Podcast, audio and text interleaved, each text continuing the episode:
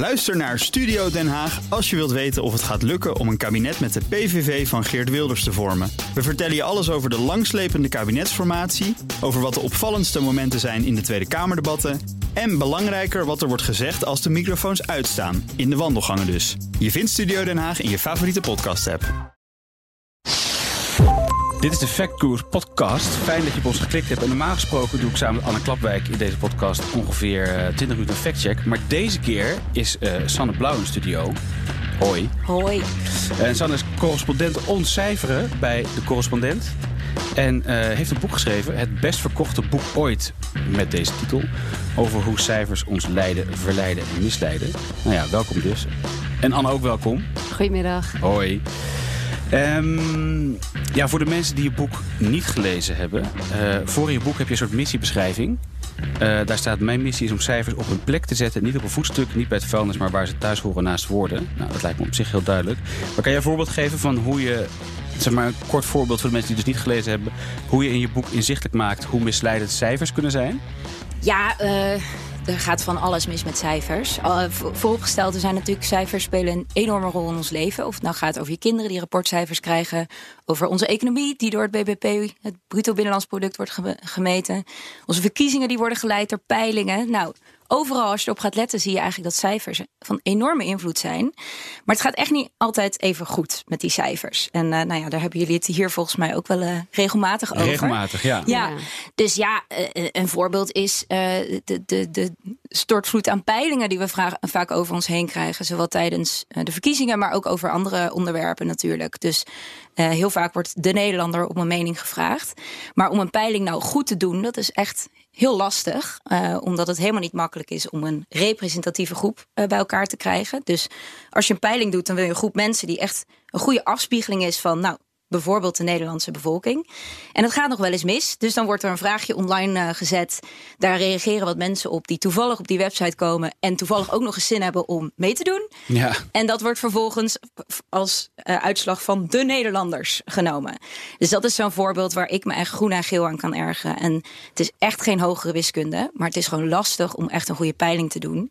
Dus laten we ook ophouden met al die flutpeilingjes die altijd maar links en rechts in de kranten staan. Zou ik zeggen. Ja, maar dat lijkt me een goed voornemen. Ja. Yeah. En je boek kwam voor het eerst uit in 2018, eind 2018 ja. hè? Ja, uh, ja zo'n jaar geleden. Dus eind, uh, eind oktober vorig jaar. Ja. ja, en je vertelde net dat het ding vertaald uh, wordt. Dat ding wordt vertaald, ja. Ja. ja. ja. In het Chinees nog wel. Ja, dat heb ik net gehoord. Ik weet eigenlijk helemaal niet of ik dat al mag zeggen. Maar oh. bij oh. deze is het, is, het, is het bekend. Knip. Nee, en ook in het Engels. Het is al uit in het Duits. Dus dat is ook heel leuk. Het komt ook in het Arabisch en het Grieks uit. Ah, en het Italiaans. Dus ook allemaal alfabetten die ik helemaal niet begrijp. Dus dat nee, vind ik dat nog extra. Tot de verbeelding, ja. Ja, ja, precies. Een soort gek ja, mysterie wordt mijn boek dan ineens voor me. Maar, ja. Uh, ja. Maar wat zijn de reacties geweest op het boek? Ja, wel goed. Ja, uh, eigenlijk uit, uit heel veel verschillende hoeken. Dus uh, ik heb ook bijvoorbeeld wel veel praatjes bij de overheid gedaan, waar ook, nou ja, de, de dingen waar ik me zorgen over maak, spelen daar ook. Maar ook in het bedrijfsleven of op andere plekken. Het is voor veel mensen toch wel herkenbaar. Um, en het wisselt een beetje. Je hebt natuurlijk mensen die zelf soort paniekaanval krijgen als ze weer aan cijfers en wiskunde moeten denken. Omdat ze gewoon hele, er niet zo gek op waren op de middelbare school, zeg maar. En die vinden het prettig omdat. Ja, ik, probeer, ik heb het echt geprobeerd om het ook leuk te maken voor mensen die helemaal niks met cijfers hebben. Dus het is ook wel een erg verhalend boek geworden eigenlijk. Um, en die reacties krijg ik dan ook wel terug. Van nou, ik heb er niet zoveel mee, maar door jouw boek begrijp ik er toch wat meer van. En het was ook nog eens leuk om te lezen. Dus dat was wel dat zijn een beetje de grootste complimenten. Want dat was precies ook Ja. mijn doel eigenlijk. Want omdat die cijfers zo gro- van, van grote invloed zijn, is het ook belangrijk dat je er ook iets van snapt. Als je niet per se eh, onzekerheidsmarges kan uitrekenen, weet je wel. Ehm, dus nou ja, dat is hopelijk een beetje gelukt eh, voor die mensen die dat me laten weten. Gaaf, ja, herkenbaar uh, ook wel. Wij hebben het boek natuurlijk allebei gelezen als voorwerk. en ook leuk om te zien dat er heel veel concrete voorbeelden in Ja. zitten. Hoe heb je je research gedaan om achter die foute statistieken te komen? Want dat lijkt me best wel een lang lang en ingewikkeld proces ook. Ja, nou, ik ben zelf econometrist uh, en ik ben uh, na mijn studie ook gepromoveerd. Dus ik ben zelf eigenlijk al heel lang met de theorie, zeg maar, die in mijn boek zit. Die, daar ben ik zelf al jaren mee bezig. Um, en het zat hem er in mijn geval vooral in om met pakkende voorbeelden te komen, zodat mensen het ook begrijpen en het kunnen verbinden aan hun eigen dagelijks leven. Um, en dat, ja, dat doe dat de afgelopen jaren heb ik artikelen geschreven voor de correspondent. En daar heb ik, nou ja, ik krijg ook veel reacties met: oh, wil je niet eens naar dit voorbeeld kijken of dat voorbeeld?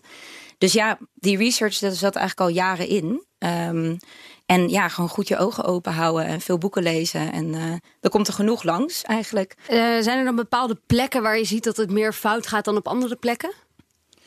Op bepaalde, uh, bepaalde momenten in de, in de keten? Nou, ja, zeggen? nou, dat is dat niet per se. Er wordt soms wel heel makkelijk, zeg maar als we het even over foute statistiek in het nieuws hebben, wordt soms wel heel makkelijk gezegd: oh ja, die journalisten. Nou, de journalisten doen ook veel fout. Maar als je bijvoorbeeld kijkt naar gezondheidsnieuws, waar echt notoir heel veel misgaat. Dus uh, nou ja, van, uh, van schaamhaarscheren krijg je SOA's. Van uh, tonics is je, hoe heet het, hooikoorts genezen. Dat soort berichten. Um, heel vaak zie je, de, de, daar, heeft, daar, daar hebben onderzoekers ook naar gekeken van als er nou uh, fout, als nieuws nou verkeerd werd gebracht, waar ging het dan fout? En toen zagen ze dat eigenlijk ook best wel vaak het al in het persbericht van de universiteit zelf, dat het daar al werd overdreven. Dus ja, dan kan je alsnog de journalisten verwijten van, nou hadden jullie maar wat kritischer moeten kijken. Maar het gaat dus ook niet per se altijd bij de berichtbrengers fout. Vaak ook wel daarvoor.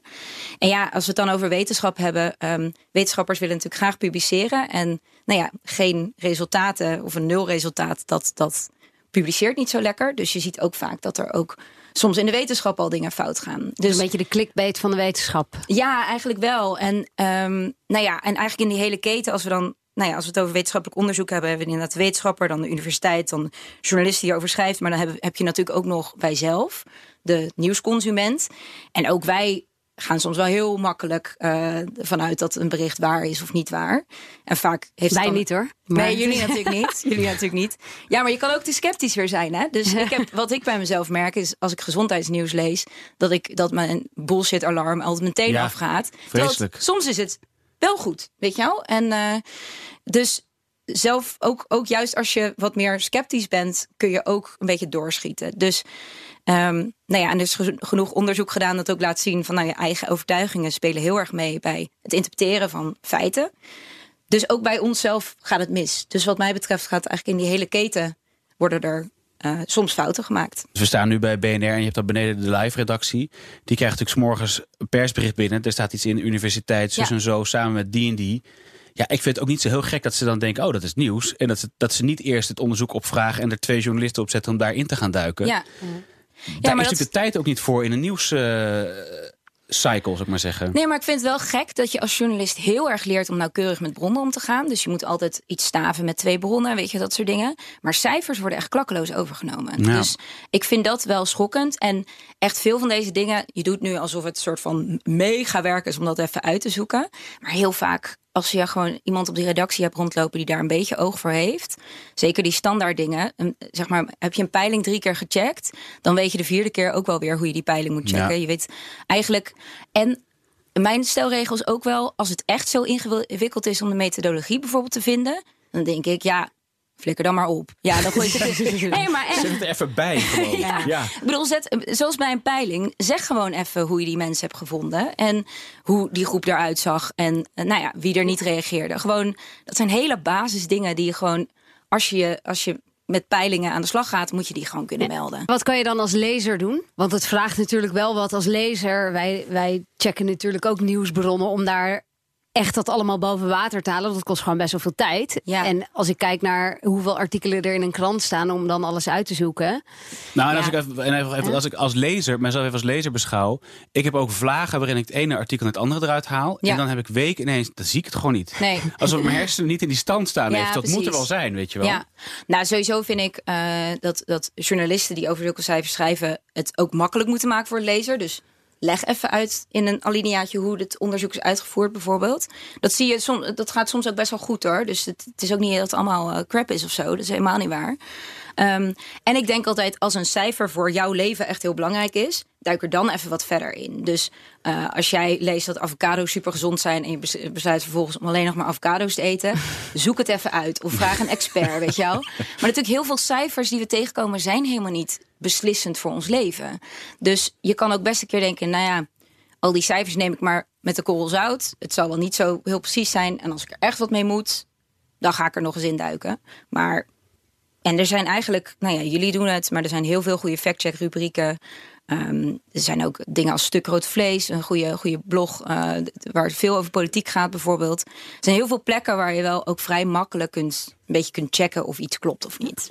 Bestaat goed onderzoek? Kunnen we daar nog wel waarde aan hechten? Ja, tuurlijk bestaat goed onderzoek. Maar goed onderzoek staat eigenlijk haaks op, uh, op, op nieuws. Want goed onderzoek duurt jaren, vaak decennia. Uh, nou, als we bijvoorbeeld naar klimaatverandering kijken of naar het onderzoek naar roken en longkanker, waar ik heel uitgebreid over schrijf in mijn boek.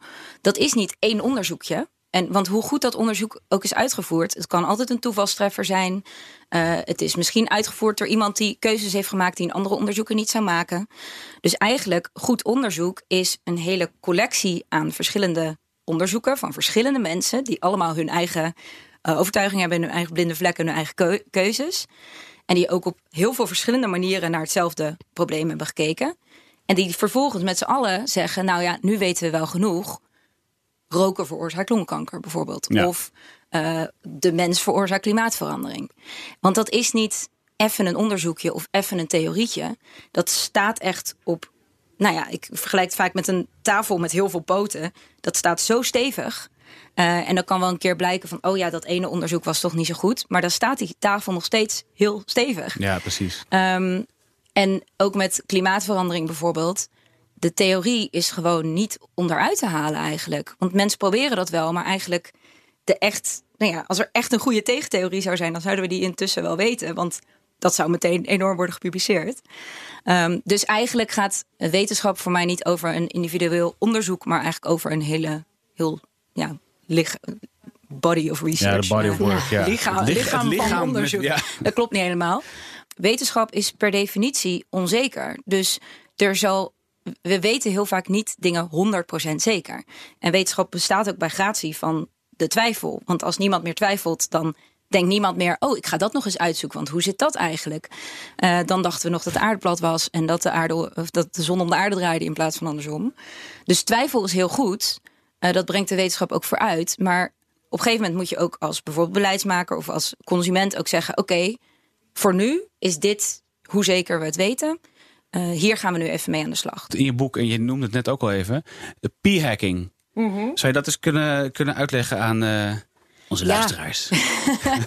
nee, wat ik al dat zei. Dat is super interessant. Ja, de, de p-waarde is dus eigenlijk de waarde die. Um, die meet of iets statistisch significant is of niet.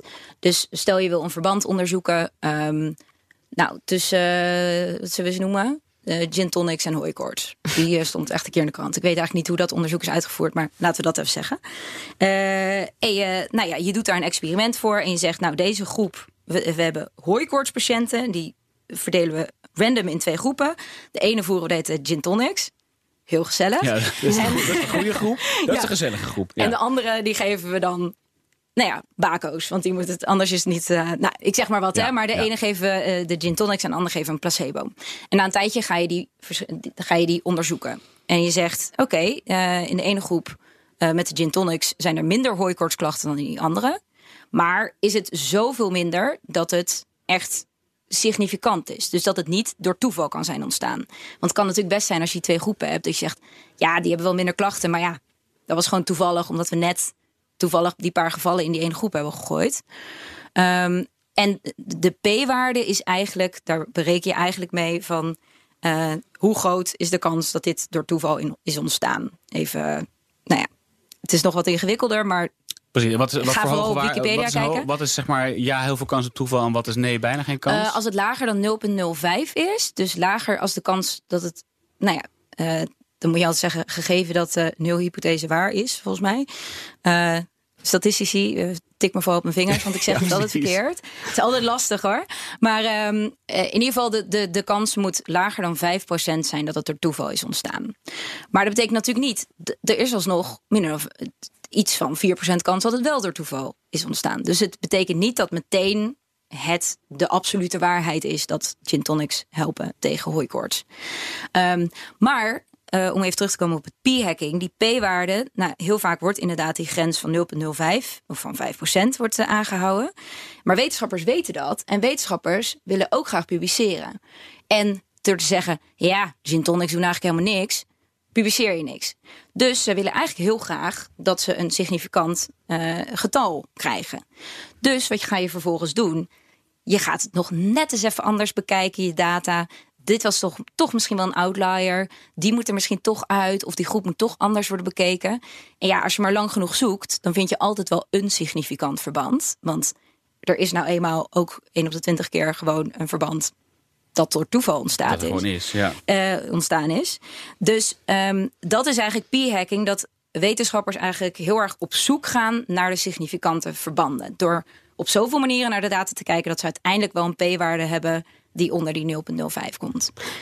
Ja. volgens mij is er ook een website waar ze significante waarden hebben berekend voor, voor dingen die echt absoluut totaal uit elkaar liggen. Dat het eten van tomaten uh, zorgt voor het krijgen van bruin haar. Of dat soort dingen. Ja, dat is uh, Spurious Correlations van Tyler, Tyler Vegan. Oké, cool. Ja, dat is echt heel vet. moet iedereen even kijken. Want ook van. Uh, dus ook maar dat zijn, dan zie je grafiekjes met twee trends en die lopen dan precies gelijk op. En dat is dan ook aantal films met Nicolas Cage en, uh, doden door verdrinking of zo. Ja, ja, ja. Sorry. Wat dan heel. Uh... Nee, maar dat, dat ondersteunt inderdaad heel erg het punt van. Als je maar lang genoeg zoekt, vind je altijd wel een gek verband dat helemaal geen verband een is. Een oorzakelijk verband is het al helemaal niet. Maar het heeft ook gewoon geen bal met elkaar te maken. Maar ja, het is nou toevallig dat het. Uh, dat het samen opgaat. En heeft, uh, vind je dat het hele peer, het publiceren in een wetenschappelijk blad, wat tegenwoordig natuurlijk allemaal internet is eigenlijk. Ja. Ik wou net zeggen, ja, wat doe je met de incentives die mensen eigenlijk hebben om dus maar onderzoeken te publiceren met hele catchy titles, ja. om het maar in een wetenschappelijk, wetenschappelijke journal te krijgen? Nou, er, is wel een flinke tegenbeweging gelukkig. Dat er wel um, bijvoorbeeld hele uh, tijdschriften zijn juist voor replicaties. Want replicaties waren vaak niet, niet zo heel erg populair. Want je moet iets nieuws doen. Je gaat niet iets doen wat al is gedaan en dan.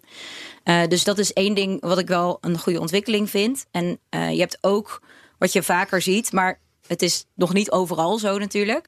Maar uh, dat als je bijvoorbeeld een experiment gaat doen, dat je alvast het plan voor je experiment van tevoren indient. Zodat je niet gaan, kunt gaan lopen p-hacken. Dat je denkt, oh ja, we gingen eigenlijk naar leeftijd kijken, maar nu kijken we toch maar naar geslacht of zo, of seksen. Ja.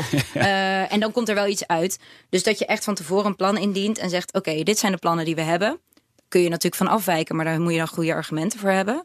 Um, dus dat is zo'n ander voorbeeld waarbij je niet zomaar kan gaan zoeken naar wat is het meest catchy en wat gaat, ja. uh, wat gaat het sowieso goed doen. Zou je dan niet ook eigenlijk moeten publiceren over negatieve uitkomsten? Ja, ja, uh, ja, graag. Want er, er liggen, er zijn nu hele lades zijn vol met uitkomsten? onderzoek die wij nooit zien. Nee. En misschien is er nu wel een wetenschapper die denkt, nou, ik ga maar eens naar dat verband kijken. En heel veel andere mensen hebben er al naar gekeken, maar die dachten, ja, het is een nulresultaat, laat maar. En natuurlijk het hele, de, de wetenschap is gewoon heel erg scheef. Omdat, ja, als je al die nulresultaten eruit haalt, krijg je een heel gek beeld dan kan je misschien honderd studies hebben die aangeven dat, iets, uh, dat er een significant verband is. Maar als daar tegenover duizend staan of tienduizend die een nulresultaat hebben gehad, maar die we nooit zien. Worden die dan nergens, uh, worden die nergens bijgehouden? Dat, nee. Want dat vind ik best wel verbazend. Ja. Dat er niet een lijst is van onderzoeken die wel gedaan zijn, waarvan de uitkomst negatief is. Nee. Maar het zou natuurlijk wel goede zijn om een soort lobby te voeren voor invoering van verplicht publiceren. Zeker al ja. publiceren ja. niks meer kost tegenwoordig. Ja. Ik kan me voorstellen dat 80 jaar geleden dat was gedoe. Maar nu inderdaad. Uh, ja, en het is ook en misschien verplicht. ook niet als een heel uitgebreid onderzoek. Maar al is het alleen waar je naar hebt gekeken en de conclusies daarvan. Ja.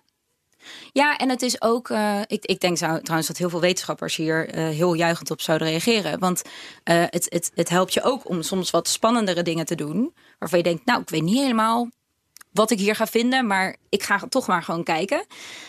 en misschien vind je niks, maar dan kan je het alsnog publiceren. Terwijl nu is ook wel heel erg de prikkel om een beetje binnen de lijntjes te blijven kleuren. Omdat je dan in ieder geval weet van nou met dit onderwerp kan ik wel, ja. krijg ik wel een publicatie. Dus ja, het, het, lijkt mij, uh, het lijkt mij niet gek. In je boek schrijf je ook over big data. big data. Dat is wel leuk om big van te maken. Ja, big data. Dat komt omdat jij big hebt. Ja, dat, dat is natuurlijk ook zo, ja. Twee van die varkens in de tuin. Ja. Daar heb, ik, heb ik allerlei datapunten van. Die liggen op de grond. Uh, maar wat ging ik daar nou over zeggen? Oh ja, dat, um, dat is natuurlijk, big data is natuurlijk niks anders dan cijfers. Ja, absoluut. Wat denk je dat de invloed is van big data op de kwaliteit van statistiek? Of is het andersom? Nou, kijk, er wordt soms gedaan alsof, uh, omdat we nu eh, meer data hebben, dat het dan ook allemaal beter zou zijn. Maar de fouten die ik beschrijf in mijn boek kunnen net zo goed met een hele grote dataset gebeuren. Want uh, ook daar, nou ja, als we bijvoorbeeld het hebben over ratings of zo, weet je op Google, dan ga ik naar een camping of zo, dan hebben weet ik veel hoeveel mensen gezegd wat ze van die camping vinden. Nou, leuk, maar ik persoonlijk zeg dat nooit. Weet je wel? Ik laat nooit een rating achter. En ook als ik dan een product heb gekocht en dan moet ik zeggen of ik het zou aanbevelen Doe ik ook nooit. Terwijl intussen worden, dat, dat, dan kun je nog zoveel datapunten hebben. Maar intussen is het alsnog niet representatief voor de groep die ergens gebruik van heeft gemaakt of die iets heeft gekocht. Um, dus dat is één zo'n voorbeeld waarvan, ja, leuk dat we meer datapunten hebben, maar dat lost het probleem van een representatieve steekproef nog niet per se op. Um, je hebt ook in tijden van big data ligt eigenlijk nog meer het gevaar op de loer dat je uh, dat, dat je die significante verbanden ziet die er eigenlijk niet zijn.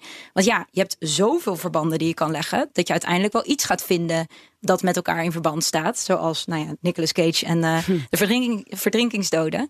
Want ja, als je 10.000 variabelen hebt, ja, dan ga je echt wel een significante correlatie tussen twee dingen vinden. Maar wat zegt dat dan? Ja, want je, zei, je noemde eerder ook al dat cijfers subjectief zijn. En dat zit ook in je boek. Ja. Dat zeker met het programmeren van algoritmes. Ja. Dat daar een human bias in zit. Ja, absoluut. Wat denk je dat we daar tegen kunnen doen? Nou, sowieso moeten we accepteren dat er gewoon dat er keuzes in zitten. Want dat, dat is al een, een eerste stap. We hadden vorig jaar, of begin dit jaar, was ook het nieuws uh, van dat bol.com als je dan op vaccinaties googelde, stonden er in de top 10 stonden heel veel antivax boeken. En toen zei Bol, ja, maar ja, het is niet aan ons uh, om daar keuzes in te maken. Want uh, nou ja, wij zijn slechts een doorgeefluik, bla bla bla bla. Ik ben even de exacte quote vergeten, maar dat was wel een beetje de strekking. Maar ja, door, want zij sorteren dan gewoon op populariteit. Maar ook dat is een keuze.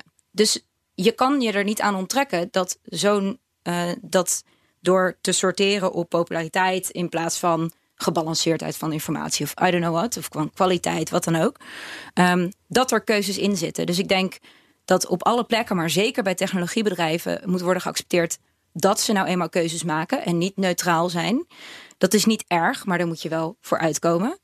Uh, dus het, het erkennen is, is de eerste stap. En wat je eraan kunt doen, ja, dat, dat scheelt heel erg per probleem. Er is natuurlijk uh, intussen veel geschreven over dat er in veel algoritmes bijvoorbeeld een bias zit, uh, een racial bias. Dus uh, bijvoorbeeld gezichtsherkenning, die zwarte gezichten veel minder goed herkent dan witte gezichten. Nou ja, dat is iets dat komt bijvoorbeeld omdat de, de dataset, in dit geval een grote fotodatabase, gewoon bepaalde gezichten wel bevat en andere niet. En daarom leert een uh, algoritme bepaalde dingen goed te herkennen en andere niet. Ja. er is een recent voorbeeld van Apple uh, Pay Card, mm waar de creditlimiet voor de vrouwen lager is dan voor de mannen. Dat was vorige week volgens mij het nieuws. Nou, dat is Goldman Sachs. Uh, ja. ja.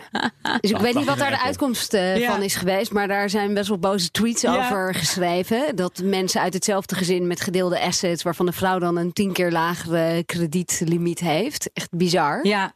Nou, en zo zijn er eindeloos veel voorbeelden. Ook als je googelt op CEO, zie je ook heel veel witte mannen, weet je wel. En, uh, en volgens mij, juist de oplossing uh, is dat, dat op plekken waar deze dingen worden gemaakt, deze algoritmes, dat er ook van allerlei mensen werken. Want er is bijvoorbeeld, uh, ze heet Joy Bolamini. Ik hoop dat ik haar naam goed uitspreek. maar zij werkt aan gezichtsherkenning technologie. En zij zei, ja, het herkent mijn eigen gezicht niet. ja. Nou ja, dat, dat is nogal belangrijk. Uh, maar ja, als je in een bedrijf werkt waar gewoon vooral witte jonge gasten werken, dan merkt niemand dat een keer op. Dus ik denk sowieso gewoon flink veel verschillende mensen. Nou ja, daar hebben we het eigenlijk al de hele tijd over. Verschillende mensen die naar hetzelfde probleem kijken. Dat kan al enorm veel helpen. En dat gaat niet alleen over man, vrouw of huidskleur, maar ook uh, qua achtergrond. Zeg maar de, de mensen uh, die onze algoritmes bouwen, zijn over het algemeen heel erg uh, kwantitatief, analytisch geschoold. Uh, terwijl er ook heel veel filosofische en morele beslissingen bij komen kijken. En er speelt ook heel veel psychologie mee. Iedereen heeft het nu over big data, van overheid tot bedrijven tot whatever. Ja. Is niet een beetje een nieuw dogma? Nou, ik, uh, ik, ik, ik kan me echt groen en geel ergen aan gewoon die die hypes. Dus nu is big data. Ik schrijf zelf veel over kunstmatige intelligentie. Ja, precies. Nou, dingen die ik heb geleerd tijdens mijn studie heten nu opeens AI. Terwijl ze vroeger. En helemaal niet, niet niks afdoende aan wat er de doorbraken die er zijn. Want er gebeuren hele vette dingen. Bijvoorbeeld, bijvoorbeeld kijk naar neurale netwerken, wat die intussen kunnen. Maar big data is gewoon een grotere dataset dan vroeger. En AI is gewoon een heftiger rekenmodel met iets meer data dan vroeger. Dus laten we niet doen alsof het een enorme shift is. Het is gewoon een voortzetting van dingen die we al deden. Sowieso de ideeën achter neurale netwerken bestonden al heel lang. Het is gewoon sinds kort dat we de rekenkracht en de data hebben die die het echt nodig is om die dingen goed te laten werken. Um, dus ik denk vooral, ja, het, is, het zijn gewoon rekenmodellen. Dus laten we dat zijn. Weet je, dat is het. En dat is heel vet. Maar dat betekent niet, die AI gaat ons voorlopig niet uh, domineren of zo. Weet je, het is geen Terminator. Nee, Singularity. Um, ja. De Matrix. Ja. Dus ik, ik, ik zou vooral uh, een beetje willen waken voor het te, te hypen. Er gebeuren hele toffe dingen, maar het is niet een soort heilige gaal die nu al onze oplossingen gaat oplossen. En hoe zouden we dan, zeker in bijvoorbeeld politieke beslissingen, waar het is natuurlijk logisch dat er wel ook op cijfers wordt geleund, maar hoe zouden we daar dan beter mee kunnen omgaan?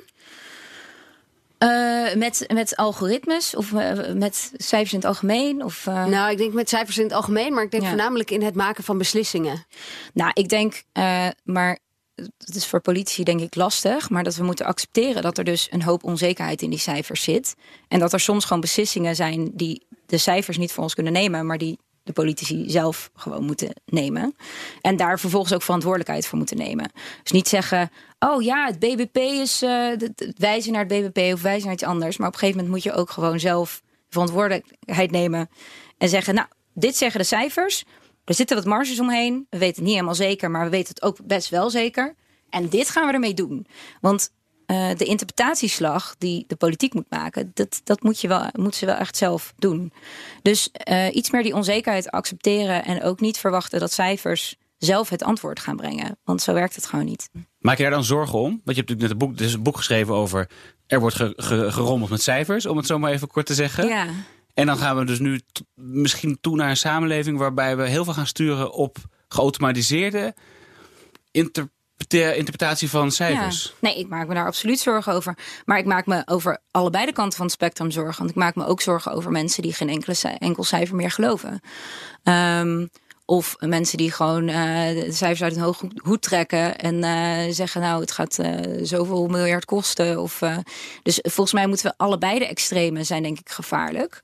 Um, en we moeten gewoon erkennen dat cijfers ook maar. Het is gewoon mensenwerk. Het is gewoon een menselijk product. En er zit een als het goed is, een goede methodologie achter. Maar het is gewoon mensenwerk. Dus laten we er ook niet interessanter over doen dan het is.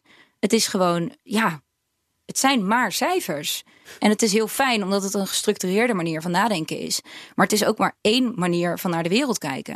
Er zijn heel veel dingen die niet meetbaar zijn. En nou ja, het is een filosofische vraag of die ooit meetbaar zullen zijn.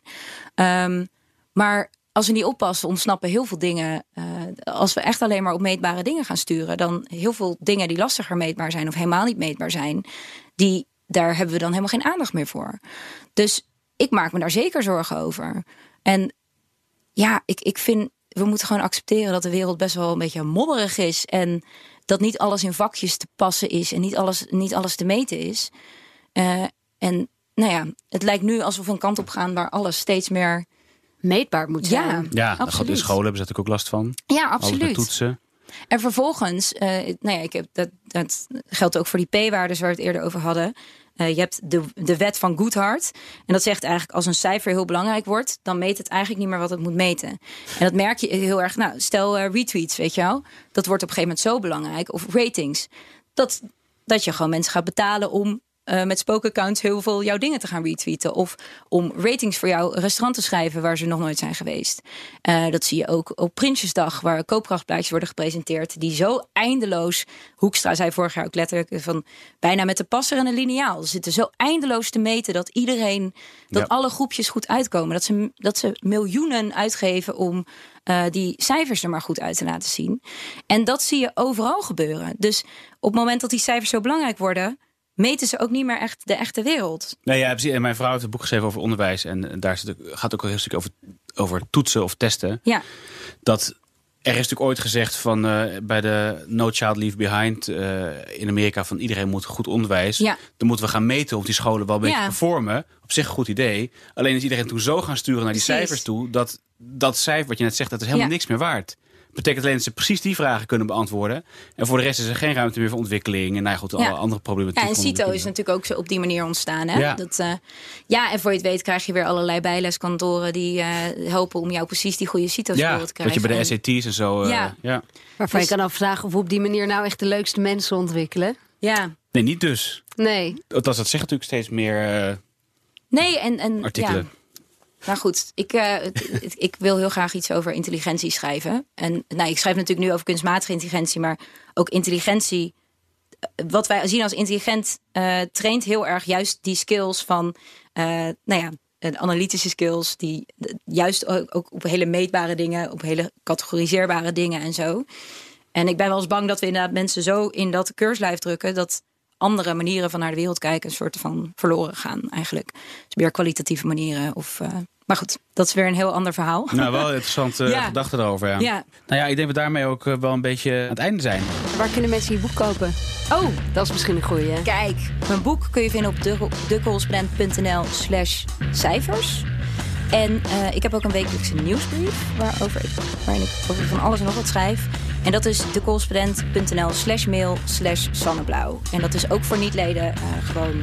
Daar kan je gewoon inschrijven op een mailbrief. Dus krijg je elke week een berichtje van mij uh, in de box. Leuk. Ja. Nou, ik ga hem meteen inschrijven. Cool. Wist eigenlijk niet. Het is heel goed dat je dat zegt. Ja. Heel veel dank, Sanne Blauw. Bedankt. Dat je er was. Ja. En dat je over dit soort dingen nadenkt en boek schrijft. Bedankt voor de uitnodiging. Nou, graag gedaan. Anne ook weer bedankt. Yes. En Anne tot volgende Tot volgende week.